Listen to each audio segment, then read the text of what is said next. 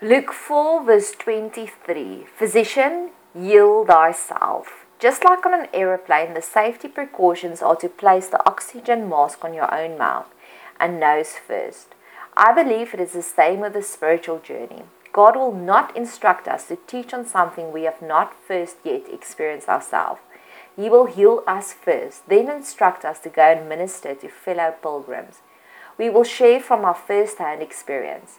One of my favorite testimonies was when I started walking intimately with God about six years ago. I just stepped out of an abusive relationship and I asked God to heal me so quickly so that I can be an asset in His kingdom. He did heal me miraculously quickly.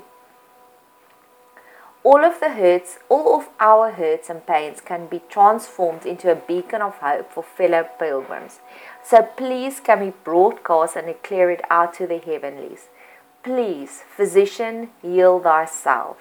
Come and heal us. Book us into your emotional healing ICU in order for us to tell the world to sing a song about all that you've done for us. I've once heard that the root meaning of the word testimony is for God to do it again. So we want to be mass producers of testimonies of how you helped us so that we can spread around your gospel, your good news here on earth. Physician, heal thyself. I was once stuck in a hopeless, loveless, meaningless relationship.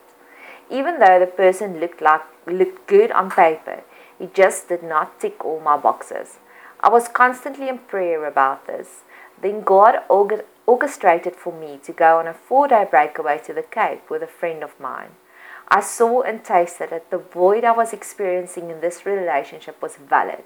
As I was as I was right there, there, there was more. God had high ambitions for me than to settle down for mediocrity. May God to take you on excite, exciting road trips to confirm the questions you are brewing in your pressure cooker.